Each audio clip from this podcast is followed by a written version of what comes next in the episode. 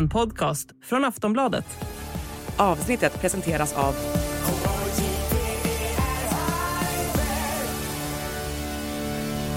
Stödlinjen.se, åldersgräns 18 år. Välkomna till Aftonbladets politikpodd En runda till. Jag heter Olivia Svensson och experterna heter Lena Melin och My Råväder. I veckans avsnitt ska vi prata om förhållandet mellan Sverigedemokraterna och kvinnorna.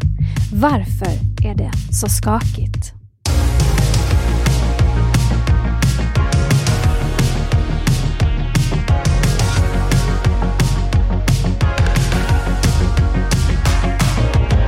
Hej Lena, hej My. Hej. Hej hej! Hur mår ni? Ja. Ja, Jag mår jättedåligt eftersom jag är pollenallergisk men det kommer att gå över till nästa torsdag. Så om ni undrar varför Lena låter lite raspig på rösten så är det alltså gräsets fel kan man säga. Ja, som växer jag har här. tyvärr inte varit ute och rullat här. Nej, det är inte den typen av gräs vi pratar om. Nej. Nej. Hörni, Fredrik Reinfeldt, minns ni honom? Ja, Bra. Öppna hjärtan-mannen. absolut. Mm. Han har länge haft ett rekord. Som partiledare så har de som röstat på Moderaterna sagt att han har varit väldigt betydelsefull för deras val av parti. Och rekordsiffran var 45 procent. Eh, så han var alltså en högst bidragande faktor till att man röstade på M när han var partiledare. Men nu har Jimmy Åkesson slagit Reinfeldts gamla siffra. Det är en ny rapport om SVTs vallokalsundersökning som forskare vid Göteborgs universitet har gjort. Och då visade det sig att 48 procent av SDs väljare pekar ut Åkesson som mycket betydelsefull för rösten på SD i valet 2022. Alltså den högsta siffra som en partiledare någonsin fått i Valu vad gäller just den här grejen då, hur betydelsefull man är eh, för valet. Är ni förvånade? Inte jätte måste jag säga. Jimmie Åkesson är ju oerhört värdefull för Sverigedemokraterna. De kommer en vacker dag stoppa upp honom ungefär som Mao. Så man kan gå förbi och titta på Ja. honom, även när han inte är partiledare. Ja. Är du förvånad mig? Nej. Vi vet ju sedan länge att han är superviktig och att man har högt förtroende för honom inom partiet. Alltså Va- väljarna. Vad är det han och Fredrik Reinfeldt har gemensamt? Det är ju ett förtroende från väljarna att säga att man röstar på ett parti på grund av partiledaren. Och i det här valet, om jag begriper det hela rätt, alltså förra årets val, så var det bara två partiledare som hade den effekten på väljarna. Det var han, Jimmie Åkesson, och Magdalena Andersson som ju då inte hade alls sån hög siffra som han. Men det- så det, det är ju väldigt ovanligt att väljarna visar ett sådant förtroende för en partiledare. Men annars orsakerna till att de gör det tror jag är ganska olika för Jimmy Åkesson och, och eh, Fredrik Reinfeldt. Jag tror mycket handlar om stringens, att det här är en partiledare man litar på som har sagt samma sak hela tiden medan många andra partier och då också deras partiledare har eh, ändrat positioner i olika politiska frågor och ställningstaganden. Idag ska vi agera relationsrådgivare. Vi har två parter. Vi har Sveriges andra största parti. Vi har halva Sveriges befolkning. Det är alltså relationen mellan Sverigedemokraterna och kvinnorna vi ska tala om. För den är inte helt oproblematisk. Jag tänker att vi börjar vårt program med att prata om de kvinnliga företrädarna, för där har partiet haft historiskt svårt att både locka till sig kvinnor och behålla dem. Just nu, för att ge ett exempel, så består då SDs partistyrelse av 14 män och 5 kvinnor. Varför ser det ut så här?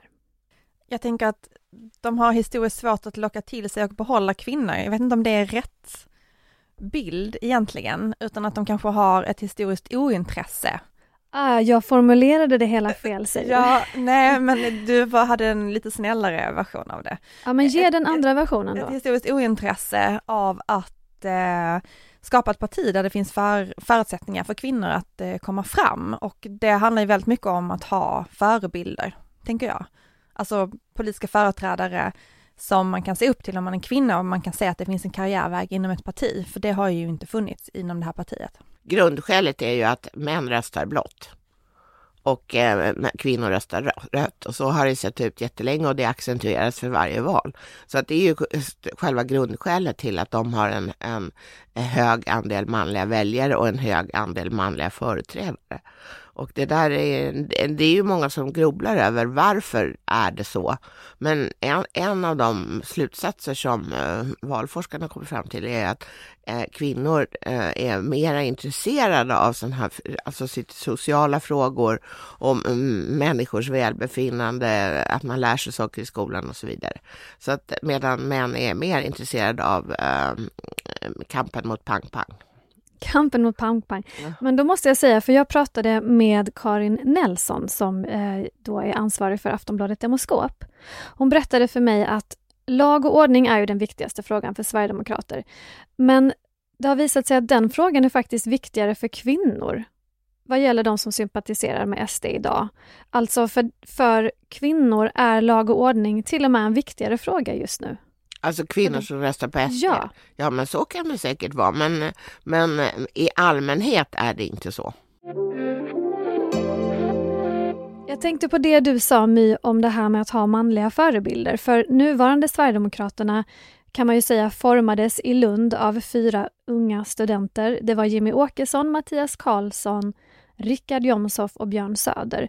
Fyra män med visioner som alla fortfarande är aktiva i partiet, varav tre fortfarande sitter på den absoluta makten. Den balansen måste väl ändå ha något att göra med hur det ser ut idag? Att kvinnor var inte ens en del av det här partiets uppkomst.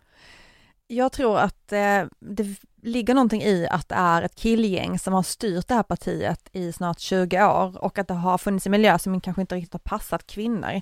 Partiet har ju också varit lite av ett familjeföretag. Eh, de som har kommit in, de har i stor utsträckning, generaliserar jag ganska grovt här, men de har varit liksom partners, flickvänner, vänner, fruar. Eh, och jag tänk, tycker att det är egentligen inte så konstigt med tanke på hur det här partiet hade det i början, att det var ett utsatt parti, man tog bara in dem man absolut eh, litade på, eh, att det blev liksom det här familjeföretagskänslan, att man var väldigt nära varandra.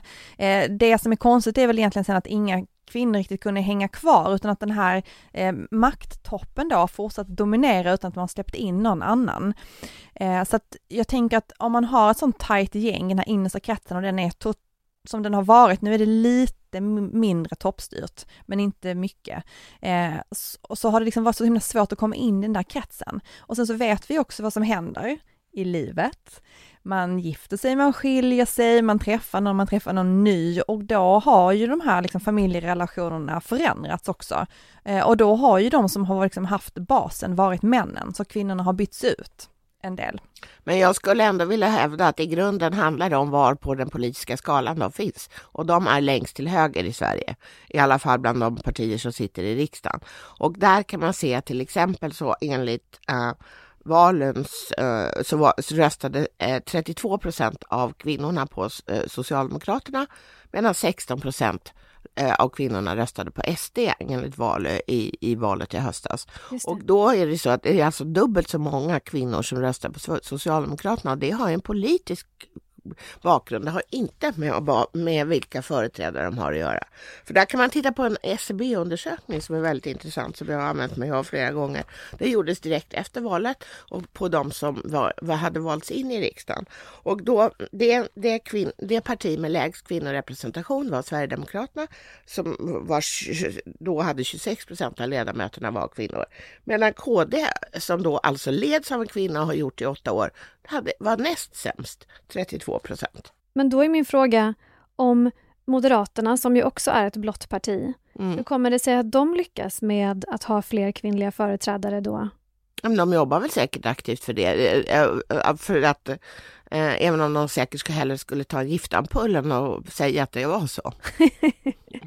Men då kommer vi ju till kärnan. Varför jobbar inte Sverigedemokraterna med att kanske stärka de, de, men de gör ju det, men de misslyckas ju de hela misslyckas. tiden. Varför är det svårt att vara kvinna i SD, My?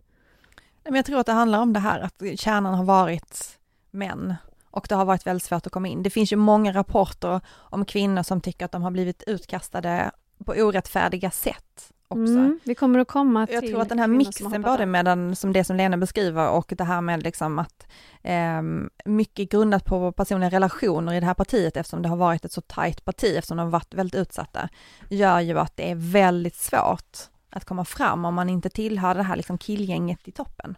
De väljer sig själva kan man säga. De har ju försökt att plocka in men det har ju inte gått så bra för förmodligen så är det så att de har ett egen hö, hö, hö, hö rum där de sitter. Mm. De här som var med från början nästan. Just det, de fyras gäng. Riktigt, ja. Det finns kvinnor som syns lite grann. För att ge några aktuella exempel, andre vice talmannen Julia Kronlid och Jessica Stegrud som turnerade med Åkesson i somras. Eh, och nu så ska den socialpolitiska talespersonen Linda Lindberg ta över några av partiledaren Jimmy Åkessons uppdrag här framöver. Hon ska ersätta honom vid två tillfällen, partiledardebatten i juni och i Almedalen. Om vi börjar med vad vi vet om Linda Lindberg, förutom att hon är socialpolitisk talesperson. Ja, och ny gruppledare. Gruppledare, förlåt. Ja, hon har suttit i riksdagen sedan 2018. Hon har varit ordförande för kvinnoförbundet. Och enligt henne själv då i intervjuer säger hon att hon har varit politiskt aktiv sedan 2012, alltså strax efter att de kom in i riksdagen då 2010. Eh, men annars har hon ju hållit en väldigt låg profil.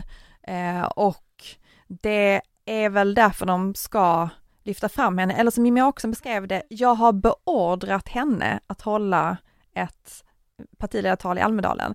Eh, jag har beordrat Linda att åka till Almedalen och hålla partiledartal från Almedalsscenen i år faktiskt. Jag tänkte mm. så här, där har vi ju lite kärnan i varför det är svårt att ta sig fram i ett parti där det inte handlar om att ge någon en chans utan att man beskriver det som jag har makten och jag har beordrat den här människan att göra någonting åt mig. Nu har jag pekat med hela handen mot Linda Lindberg. Får man verkligen säga att det är den typen av beskrivning. Men, men nu när hon ska ersätta Åkesson två gånger under den närmaste framtiden, Lena, ska vi tolka det ändå som att hon kan vara en ny maktspelare i SD, åtminstone att det är det Åkesson vill? Alltså de, de har ju gjort, för, jobbat jättelänge med att öka sitt kvinnliga, sin kvinnliga väljarandel. Och då har ju de identifierat ett problem med att lyckas med det och det är att de har för få kvinnliga företrädare eh, som märks. Och det är väl det, det här har inte första gången har försökt peta fram någon. Vi får väl se hur det går den här gången, kanske går lika dåligt som alla andra. Talar Om den... inte någon särskild tåga i Linda Lindberg, inte vet jag. Nej, Almedalen är väl ändå en, eh, vad ska man säga, det är ju ett förtroendeuppdrag Absolut, som han ger henne. Almedalen året efter ett val. Det är, inte det, det är inte det största förtroendet som någon har fått i mänsklighetens historia. Det är inte prisvinnare Almedalen vi talar om nu. Nej, Nej det, där har du en poäng. Om vi tar oss ner på lokal nivå så har ju Sverigedemokraterna lägst andel förtroendevalda kvinnor i kommun, region och riksdag av alla partier enligt DN. Men de har också haft några ganska starka namn lokalt som till exempel Louise Eriksson i Sölvesborg. Är det ändå lokalt som kvinnorna kanske har en chans att klättra? De har tillåtits härja lite friare i den lokala politiken eftersom där har liksom centraliseringen i partiet inte riktigt nått ner. Det har inte varit helt tydliga kontaktytor mellan riks och det kommunala. Och eh, för en sak som jag verkligen funderade över som jag tycker säger mycket om det här partiet, det var att under pandemin, varför man inte lyfte upp Louise Eriksson, för att i Sölvesborg så drev hon ju igenom den pandemipolitik som partiet verkligen drev på riksplan, eh, men inte fick gehör för. Men trots det så lyftes hon ju inte upp och jag tror att det säger ganska mycket om hur svårt det är för en kvinna, även en profilerad kvinna i det här partiet. Och att jag tror att det finns som sagt de här personliga relationerna i det här partiet, de är känsligare än i andra partier, eller de är viktigare i det här partiet än kanske i andra partier som har liksom en mer professionell syn på hur man har relationer till varandra. Eh, det finns ju Cecilia Bladin Situ som hoppar av nu, som skapade, har skapat väldiga rubriker i Hörby. Eh, vi har ju en kvinna som heter Hanna Nilsson som också skapat rubriker jag vill inte säga att de är roliga, men de är intressanta. Hon har ju haft en fejd eh, med en, eh, en vikingaby där det finns en konflikt. Som man har. Som man kan ha om man bor i Hässleholm. Eh, där det finns en konflikt och eh, fråga om hon ska sitta kvar eller inte. Så att det finns ju också men det finns ju kontroverser i det här partiet också som är annorlunda än kontroverser i andra partier. Ja, en snabb googling ger ju vid handen att SD har tappat en hel del profilerade kvinnor medan ledningen har sett ut som den gjort hela tiden i princip. Om vi tar några namn bara då, Paula Bjäler, Elsa Widding, eh, Cecilia Bladinsito som du nämnde, Margareta Larsson. Va, är det några av de här avhoppen som sticker ut särskilt, tycker ni? I toppen så tycker jag att Paula Bjärler verkligen stuckit ut som ett avhopp för att där var ju en kvinna som faktiskt kom fram en del. Det fanns Hon fortfarande ett väldigt mycket. fanns fortfarande ett glastak för henne men hon kom ändå fram, hon var en naturlig del i debatten. Men hon kom också till en punkt där hon kände att hon inte längre kunde verka inom det partiet. Där finns det, tror jag, både personliga anledningar, eh, men också att man svängde i en fråga som var väldigt viktig för henne. Man svängde ju i det här att man ville sänka eh, tiden för när man får göra abort. Hon var ju väldigt konservativ i synen på när man skulle få utföra abort och drev väldigt hårt i partiet att man skulle sänka eh, från dagens 18 veckor till 12 veckor. Och att det var ett hårt slag för henne politiskt att man bestämde sig för att släppa det där kravet. Eh, så det tycker jag ändå är ett avhopp som står ut, där man nästan hade lyckats med att profilera en kvinna i det här partiet. Lena, hade du också sett Paula Bjärler som en person som kanske hade kunnat ta sig in i ledningsskiktet? Hon fick ju sjunga på, äh, på Sverigedemokraternas sommarfest i Sölvesborg. Ja, vad snällt av, av Ja, killarna. så att det, det var ju ett tydligt tecken på att hon släpptes fram.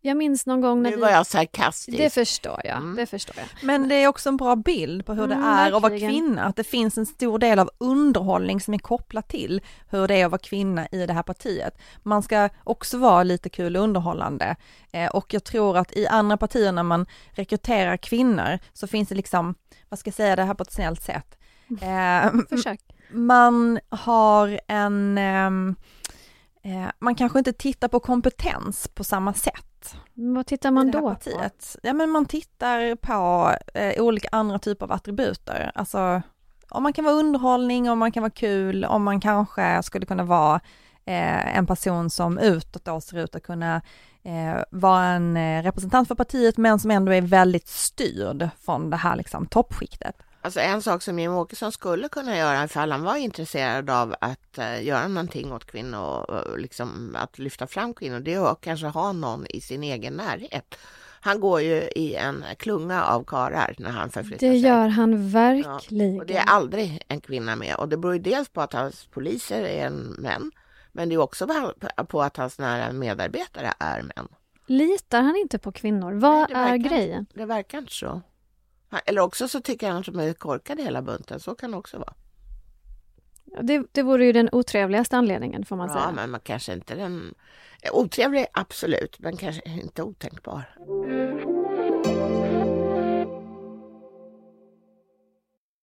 Nu ska vi prata lite mer om något som vi var inne på i början, nämligen de som väljer Sverigedemokraterna, basen som de har. I senaste valet så var SD partiet som ökade mest bland kvinnliga väljare. Eh, man ökade med 4 procentenheter från 2018 till 2022, från 12 till 16 procent. Men då i Aftonbladet Demoskop senaste kvartalsmätning så är det nu 14 procent bland kvinnor och 23 procent bland män. Vi har varit inne på orsakerna till det, men jag vill att vi ska grotta ner oss lite mer i siffrorna. Hur ska vi tolka det att de fick 16 procent i valet, nu har gått ner till 14 procent? Vad är det de inte gör för att attrahera kvinnor som de borde göra? Alltså det där tror jag i och för sig är en skillnad som man ska ta med en nypa salt. Mm. Det är inte så mycket. Men det är ju stor skillnad då om, om vi tänker 14 procent bland kvinnor och 23 procent Ja, bland män. verkligen. Ja, men den, den, den stora skillnaden är ju de politiska preferenser. Men sen beror det också på vad, alltså vad, vad partierna fokuserar på och vad, Mm. vad kvinnor, kvinnliga väljare tycker är viktigt och vad manliga vä- väljare tycker är viktigt. Om man tittar på väljarkåren så var ju sjukvården den viktigaste frågan för kvinnor i valet. Och det är ju någonting som de absolut inte pratar om. Sverigedemokraterna, de har ingen politik på det området. Eh, sen så har de ju genom åren gjort vissa saker för att locka de här kvinnliga väljarna. Jag tycker att det var det här Hallå talman, eller vad heter det, Hej talman, det här satirprogrammet, de hade ju en väldigt rolig sketch. Jag tyckte inte att det var kanske jättekul alltihopa, men den här sketchen var, det var att det fanns en massa sverigedemokrater i ett rum, alla var män och de pratade om att försöka förstå sig på kvinnor. Och det är väl liksom lite en den var ju väldigt nära sanningen, för de har gjort vissa sådana här utspel under åren som har varit lite roliga, eh, när de har bestämt sig för att nu ska vi börja prata om mjuka frågor för att locka kvinnor. Alltså bara, bara att börja prata om det på det sättet är Mm. lite kul. Som någon slags strategi. Ja, och jag minns särskilt ett år i Almedalen när de hade någon slags, jag tror att det var någon slags förskolereform, någon skolreform, en sån fråga som de tänker att kvinnor gillar. Där de har tryckt upp broschyrer med bilder på sig själva som barn, alltså partitoppen, bilder på sig själva som barn, för att man menar då att det här ska locka kvinnor. Mm. Eh, och eh, Man känner ju inte hur det pirrar till, det gör man inte. Nej det var väl gulliga bilder, alltså de flesta barn säger, är ju gulliga, så det är ju klart. Eh, Men det är så att kvinnor gillar ju inte bara barn och mjuka frågor, Va? Barn, smink och killar. Alltså det finns Nej. liksom en bredare palett Ja. och även om de når sina egna väljare då, eh, och kvinnorna är de egna väljarbasen genom att prata om de här andra frågorna, energi och eh, trygghet och sådär, så behöver de ju nå fler väljare, de behöver ju nå fler kvinnor än bara den egna väljarbasen och där har de problem. Men det var ju intressant det som jag berättade tidigare, att lag och ordning är ändå viktigare för kvinnor. Den frågan var alltså viktigare för kvinnor som sympatiserar med SD än vad den var för män när de valde parti. Det säger någonting om den här trygghetsfrågan då, tänker jag. Alltså man vill känna sig trygg i sin stad, man vill kunna gå ut och så vidare på kvällarna. Borde de fokusera mer på det då? Om, de är den, ändå, om den här informationen finns? Alltså fokusera ännu mer på, på Lag och ordning, Ja, det är de- nästan svårt. Då får de ju, Det finns inte ett öra kvar som kan lyssna på det. Då får de börja gå i så här militärkläder på sina presskonferenser kanske. men de kanske kan så att säga bredda eh, uttrycket för den, eh, den frågan, till exempel med skolan eller någonting sånt. Mm. De kanske kunde ha en kvinna som skulle prata om den här frågan. Linda Lindberg. Vi får se vad hon säger i sitt tal. För att nå ut till sina väljare så har ju Sverigedemokraterna en egen kommunikationskanal vid namn Riks. Själva så kallar de den för en konservativ nyhetskanal. Så har vi en etikett där också. Och en av Riks tydligaste profiler är 20-åriga Denise Westerberg som bland annat leder kanalens morgonprogram. Hon är även vice ordförande i Ungsvenskarna och kallar sig själv för en opinionsbildare. Och hon syns ju då väldigt mycket på Riks. De andra som syns på Riks är faktiskt också framförallt unga kvinnor, med undantag då för Dick Eriksson som dyker upp hela tiden. och Som inte ens är ung. Han är faktiskt varken ung eller kvinna, det får vi säga. Förlåt höll jag på att säga Dick, men ja, inte jätteung. Jag tror han håller med om den beskrivningen. Jag tror också det. Eh, Men att profilera unga kvinnor i sina kanaler, det måste ju ändå vara en taktik, tänker jag, för att nå unga såklart, men också kvinnliga väljare. Ja, men det är ju en taktik de har haft just i det här Ungsvenskarna, deras ungdomsförbund eh, och då som liksom spiller ut på riks, för många av de här unga kvinnor som jobbar där är ju också engagerade i ungdomsförbundet, alltså anställda inom partiet. Eh, och det handlar ju om att man vill nå den här an, ny väljarbas och eh, vi hade ju eh, Natalia Kasimerska som jobbar här, jag hade ett jättespännande reportage för ett tag sedan som handlar om just det här, unga kvinnor som skulle göra SD mer spicy och att man aktivt rekryterat unga kvinnor för att få ut det här budskapet. Eh, och då får man väl tänka att jag vet inte om de har tänkt på hur återväxten ska bli, för att de kvinnorna måste då stanna kvar i partiet och det är ju egentligen mer där som Sverigedemokraterna har problem, att få kvinnor att stanna kvar och komma Mm, upp sig, mm. än att rekrytera kvinnor till olika typer av poster. Ja, för när man tittar på Riks så ser man ju som sagt enormt många unga kvinnor som har olika roller där. Där finns ju... De är ju jätteduktiga på sitt Mm. jobb där, att föra ut, att säga att det är en nyhetskanal fast det inte är det. Det är ju liksom Sverigedemokraternas informationskanal, kan man kalla det. Eh, och det, gör de ju superbra, att föra ut sitt budskap där, verkligen. Men en sak som man kan testa också, det är ju att när man ger kvinnor positioner, att ge dem riktiga positioner, att inte ge dem vice positioner. För att om det är någonting som de har gjort under åren, det är att de har lyft upp kvinnor till olika typer av viceposter. Eh, och då, det är ju bara, alltså Då det, är ju- blir det lite spel för gallerierna. det är ju nästan. bara ett Mm. spel för galleriet. Nu är jag väldigt intresserad av att veta vad Sverigedemokraterna själva gör för analys kring svårigheterna här med kvinnor. Jaha, Mm. Och det menar du att... Mm. att eh, Berätta Lena om SDs egen analys. ja, kring- det, det, det, tyvärr vet, eh, känner inte jag till den. För Nej. det, men- om jag var dem Mm. så skulle jag nog tänka, precis som jag varit inne på, att det, måste synas kvinnor. Därför, och de måste också inte bara stå i bakgrunden och ha bikini på sig utan de ska vara i en professionell roll och ta plats. Därför att, för att annars, det är sånt som kvinnor bryr sig om. Eh, Alltså man, man vet om man blir bortskuffad eller inte. Eller om någon blir bortskuffad eller inte. Identifikation. Ja, ja, och det är ju inget konstigt.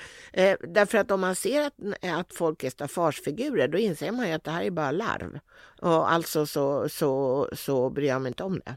Och varför vi inte vet vad de själva tycker, det är för att de själva inte gör offentliga utvärderingar av sin politik till skillnad från andra partier. Så när vi ser nu hur eh, Moderaterna har liksom rivit sitt hår av att ha förlorat kvinnor i det här valet i sina valanalyser, både Moderatkvinnorna eh, och eh, liksom huvudpartiet, så vet vi inte det för Sverigedemokraterna gör ingen valanalys som vi får se. Varför gör de inte det? Man blir nyfiken, det hade ju varit så spännande.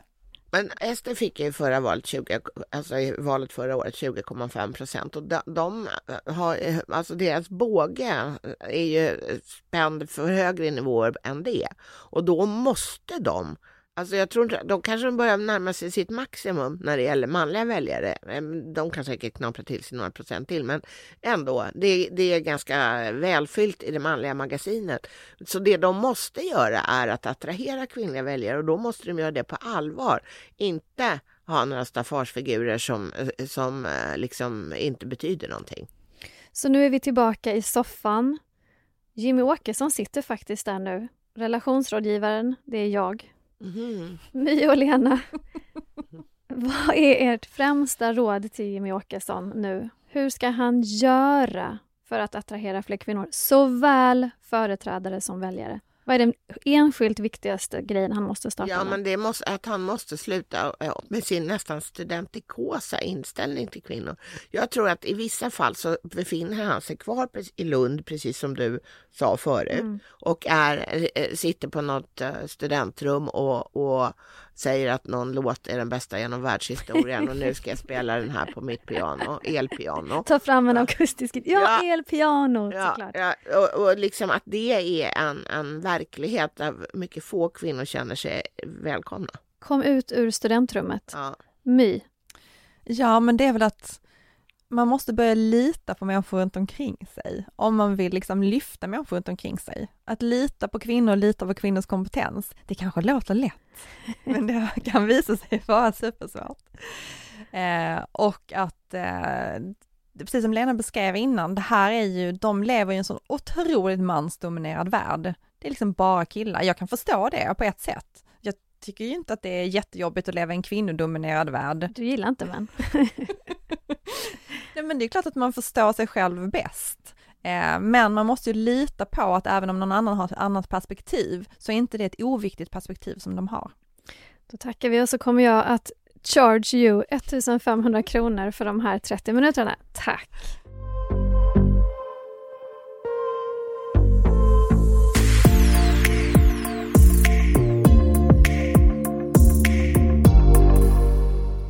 Man är ung och politiskt intresserad så kan man ju alltid engagera sig i ett ungdomsförbund. Och där finns det möjlighet att göra karriär och klättra uppåt i partihierarkin, det vet vi. Nämn våra mest kända ungdomsförbundare, My och Lena. Jag vill ha namn. Ja, Ingvar Carlsson, Mm. Ulf Kristersson, Ebba Busch, aktiva nu. Anna Lindh. Reinfeldt. Reinfeldt. Ehm, Ardalan Shekarabi. Inte för att det gick så bra när han var ungdomsförbundsordförande. nej, vad han- hände då? Ja, men det var ju massa skandaler kring honom. Eh, men ändå haft den positionen. Jakob Forssmed vill jag minnas. Jakob Forssmed. Bra. Jag skulle inte ta gift på det, men jag Nej. tror det. Mm. Men förutom att det är en plantskola då, vem bryr sig om ungdomsförbunden egentligen? De själva. Jag Ja. tycker det är jävligt viktigt. Mm, så viktiga. Mm. Och eh, partierna bryr sig om dem för de håller ju på med grejer. De är alltså, de tycker att de är jobbiga. När de är lugna tycker de, tycker de nog att det är helt okej, men när de skapar skandaler och trixar och fixar och sådär, tycker de nog att de är jobbigare. Trixar och fixar. Ungdomsförbunden är ju viktiga för partierna för att de fostrar ju folk. Och inte bara på det sättet att de kanske fostrar dem till framtida partiledare eller upp i partitoppen utan de fostrar ju människor som är extremt vana vid att debattera, argumentera och befinna sig på en scen. Och det är, har ju de nytta av sen i hela livet oavsett vad de ägnar sig åt. Och att förstå sig på det här med föreningsliv. För jag som inte är en föreningsmänniska tycker att det är svårgenomträngligt. Alla de här stämmorna, kongresserna, mm, mm. mötena. För det är ju egentligen ett föreningsliv de sysslar med. Och jag förstår att man behöver vara fostrad i det från barnsben för att förstå riktigt. För att ha det liksom i blodet. Det är, alla, det är i alla fall en väldig, en väldig nackdel om man inte har den bakgrunden. Mm. Och eh, Annie Lööf till exempel, hon var ju vice ordförande i Centerns ungdomsförbund. Men det gick ju bra för henne ändå. Det gjorde det sannerligen. Mm. För då och då läser vi ju om ungdomsförbunden, även vi vanliga människor höll jag på att säga. Och då handlar det ju ett om att de kommer med något galet förslag, eller två att de har bytt ordförande. Eh, och just nu är det ju då Centerns ungdomsförbund och Kristdemokraternas ungdomsförbund som har fått nya namn i toppen. Caroline Fonsett ersätter Reka Tolnaj eh, i eh, SUF och eh, Stefan Sarmes ersätter Nike Örbrink för KDU. Just Nike Örbrink har vi pratat om tidigare. Hon är nu gruppledare för partiet i Stockholms stad. Känns inte hon som en framtida ledare? Vi har varit inne på det tidigare. Där har vi väl ändå någon som verkligen har växt i sin plantskola. Jag vet att du tycker det. Jag tycker, hon, ja, men, jag tycker hon ska bli nya Ebba Busch. Det har jag sagt förut. Ja, men jag tror att hon har absolut chanser. Kanske inte nästa gång de byter partiledare, men gången därpå. Alltså jag tycker att Reka Tolnaj är kul för att jag älskade hennes kampanj Britt-Marie 45. Va? Det här är ett av sådana här, för, så här eh, förslag som ungdomsförbund kan komma med som är eh, intressanta men konstiga. Ja, men jag tycker att det var kul för att Reka själv, hon beskrev ju som Britt-Marie som ett typiskt namn för någon som var lite äldre. Mm. Eh, oj vad jag skrattade. För att lite äldre så är ju då 45 enligt Nej. ungdomsförbundare, för det var det, Britt-Marie 45. En... Jag fyller 45 om två veckor och jag heter inte Britt-Marie in case det... you haven't noticed. Det gör inga 45-åringar. Nej, ingen. Jag fyller också snart 43, alltså, så att vi börjar närma oss liksom. Ja, de är så. Och alla oj, exempel oj. som de tog fram på Britt-Marie som var upprörda, ingen var ju typ under 60.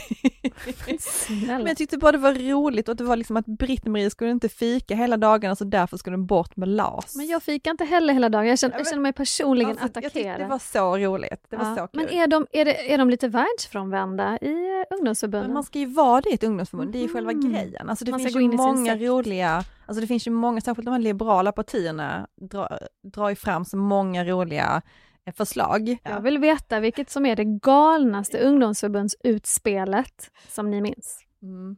Jag minns inga ungdomsförbundsutspel eftersom de är värdelösa. Uff. Ja, den är, den är stark. Det här är ett värdelöst förslag men det är också ett konstigt förslag. Och det var för några år sedan så föreslog LUF i Stockholm att det skulle vara lagligt med incest, med samtycke såklart, eh, och också nekrofili för att det var, skulle vara en frihetsreform att få bestämma över vad som skulle hända med ens kropp efter döden. Och om man då ville testamentera sin kropp till att andra skulle få ha sex med den så skulle man få göra det. Och påminn mig hur moderpartiet reagerade. Nej men konstigt nog så är det, um, är det ingen som har plockat upp det här förslaget. Wow! Nu, kom, nu väcks minnen till liv Lena, det här minns du? Ja.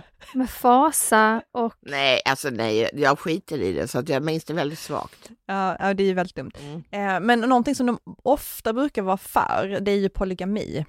Mm, det känns som en klassisk grej. Ja, och det har ju blivit lite, käns ja, det har blivit lite känsligare med åren eftersom det här med månggifte då har kopplats till migration och att människor kommer hit och har många fruar och sådär. Men ur deras perspektiv handlar det om att man ska få liksom leva och älska med hur många man vill.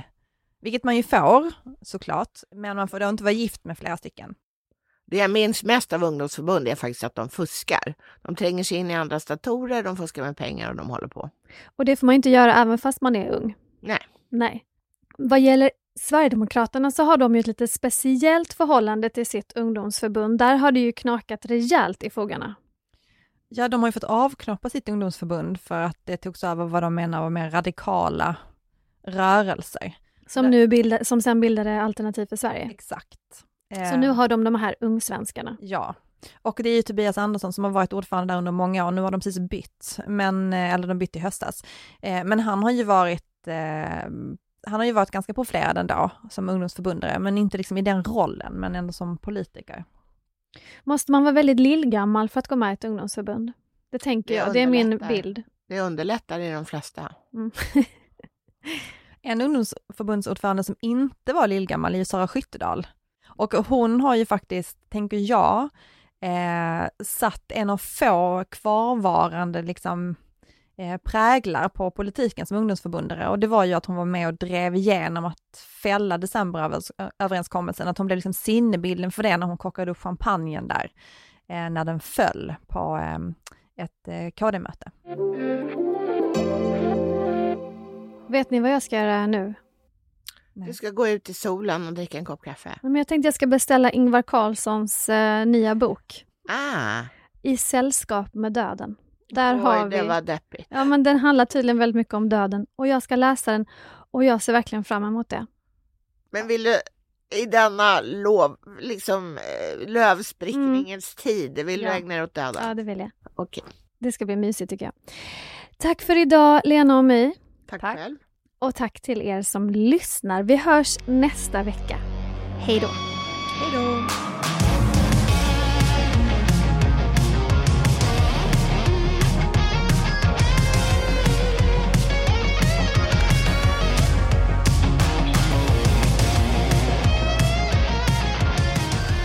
Du har lyssnat på en podcast från Aftonbladet.